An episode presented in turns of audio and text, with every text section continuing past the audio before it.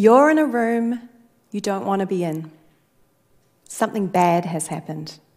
There's a stranger in a suit with your future in their hands, a judge. Four years ago, that judge was me. The people looking up at me then had no choice but to trust me. But what had I done to deserve it? Australia's judicial system operates under a shroud of mystique which fends off tough questions like this. But you all have the right to ask how people like me prepare for the job of judging. And you may not feel comfortable with the answers. The system needs to change.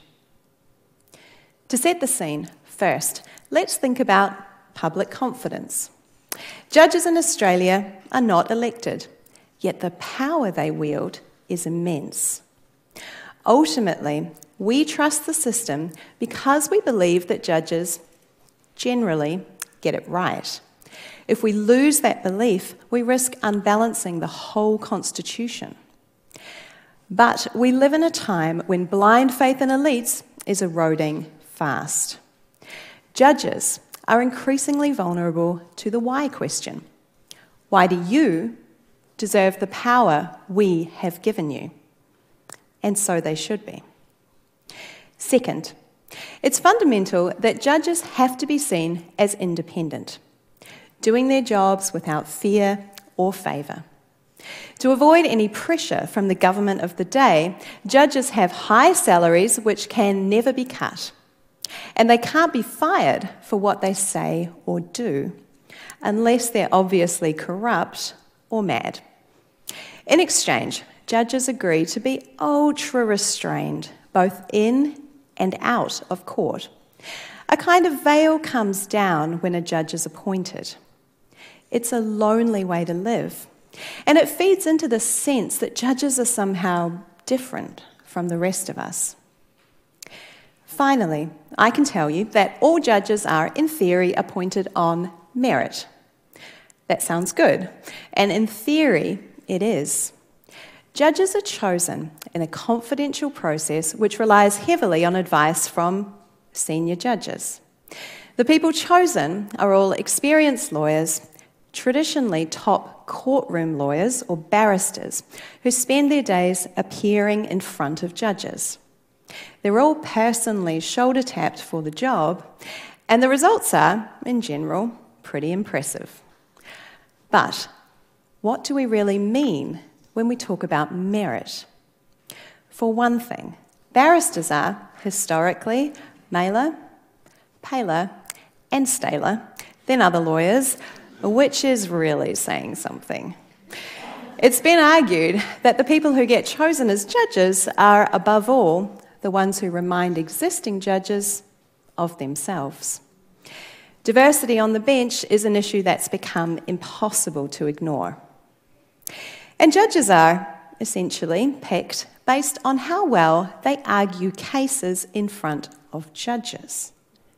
But that doesn't really make sense. Let's compare a courtroom and an operating theatre. Barristers and judges both play essential roles in court, just like anaesthetists and surgeons in an operation. But you don't hand an anaesthetist a scalpel just because he's been putting people to sleep for the surgeon for 10 years.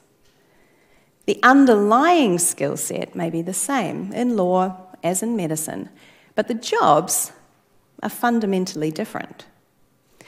The strange truth about judging in countries like Australia is that even though judges are such an important part of government, we've basically privatised the system of making them. That work is done, if it's done at all, within the private legal profession. And here's the thing there is no judge school for wannabe judges. Judicial appointment is seen as a badge of honour, not as a professional milestone that a lawyer builds up to, the way that a doctor works towards specialisation. Judges are just lawyers until the day they take the judicial oath. And from that day, it is sink or swim, except they can't be fired for incompetence. How do you think it would feel to know your life was on the line in a judge's first ever case? And how do you think that judge would feel? The transition to the bench can be a baptism by fire. I had never run a criminal trial as a lawyer, and there I was in a magistrate's court in the Seychelles, being asked to hand down 12 year prison sentences in my first month on the job. It was terrifying. Is it any easier to make that transition as a top courtroom lawyer? Well, in some ways, definitely. Barristers do know a lot of law, and their years of watching judges in action do give them a head start on how the process works. But as society changes, our expectations of judges are changing too. Judges are increasingly called on for a whole range of extra non legal skills. They have to be managers and leaders, politically and culturally savvy, able to handle relentless scrutiny and social isolation. We don't necessarily expect or even value those skills in a barrister.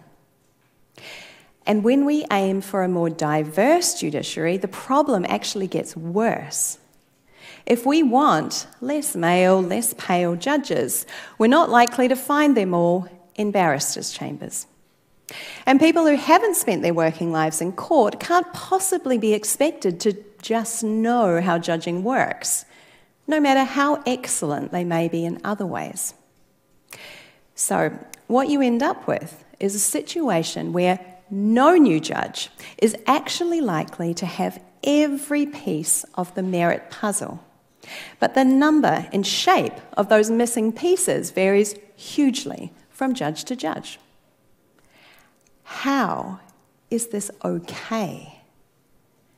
Why does our system assume that anyone comes ready made for such a demanding job? It turns out there are some pretty strong cultural reasons why. People who study judiciaries that's me now, are traditionally reluctant to talk about behind the scenes issues like making judges, for fear of being seen as interfering with judicial independence. I think this has gone too far. Independence depends on public confidence. And we can no longer be expected to trust what can't be explained and justified. But the legal elite have an obvious interest in maintaining the status quo. As a lawyer, it feels uncomfortable to criticise a process that my barrister friends see as a natural progression, even a kind of right.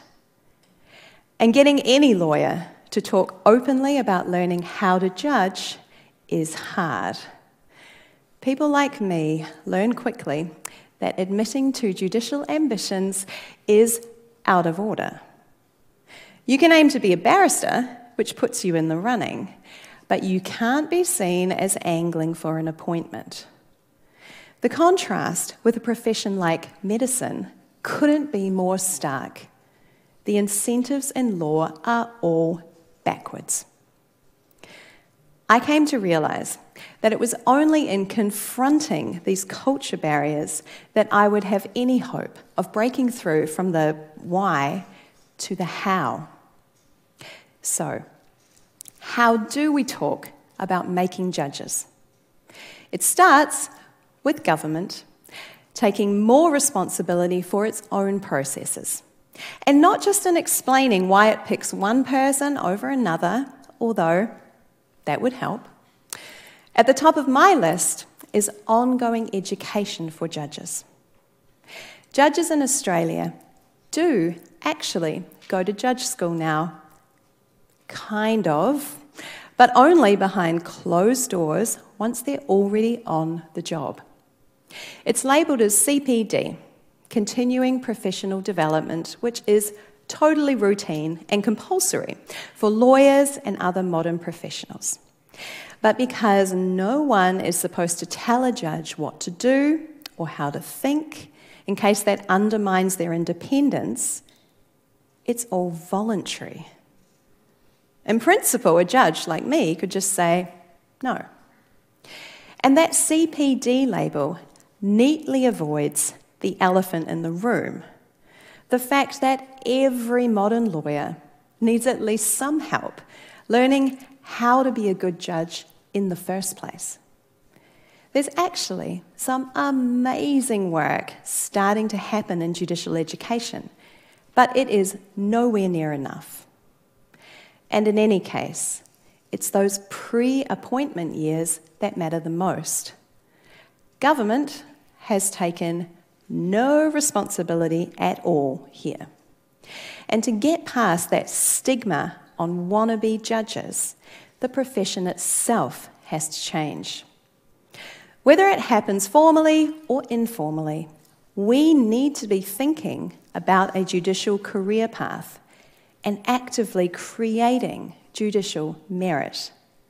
We need to support young lawyers like me, particularly the diverse ones, to do things that will make them great judges, not just great lawyers, especially when those things are not likely to get them promoted as lawyers.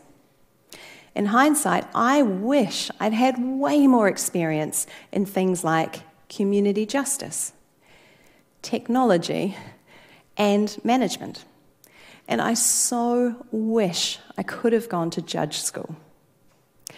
Better prepared lawyers would mean better inputs for those people who choose and manage judges, and ultimately, better evidence that those judges deserve your trust.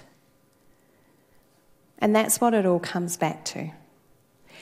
Any of us, any day, could find our future in the hands of a judge. In that moment, we need to be able to look each other in the eye and know we can trust the system.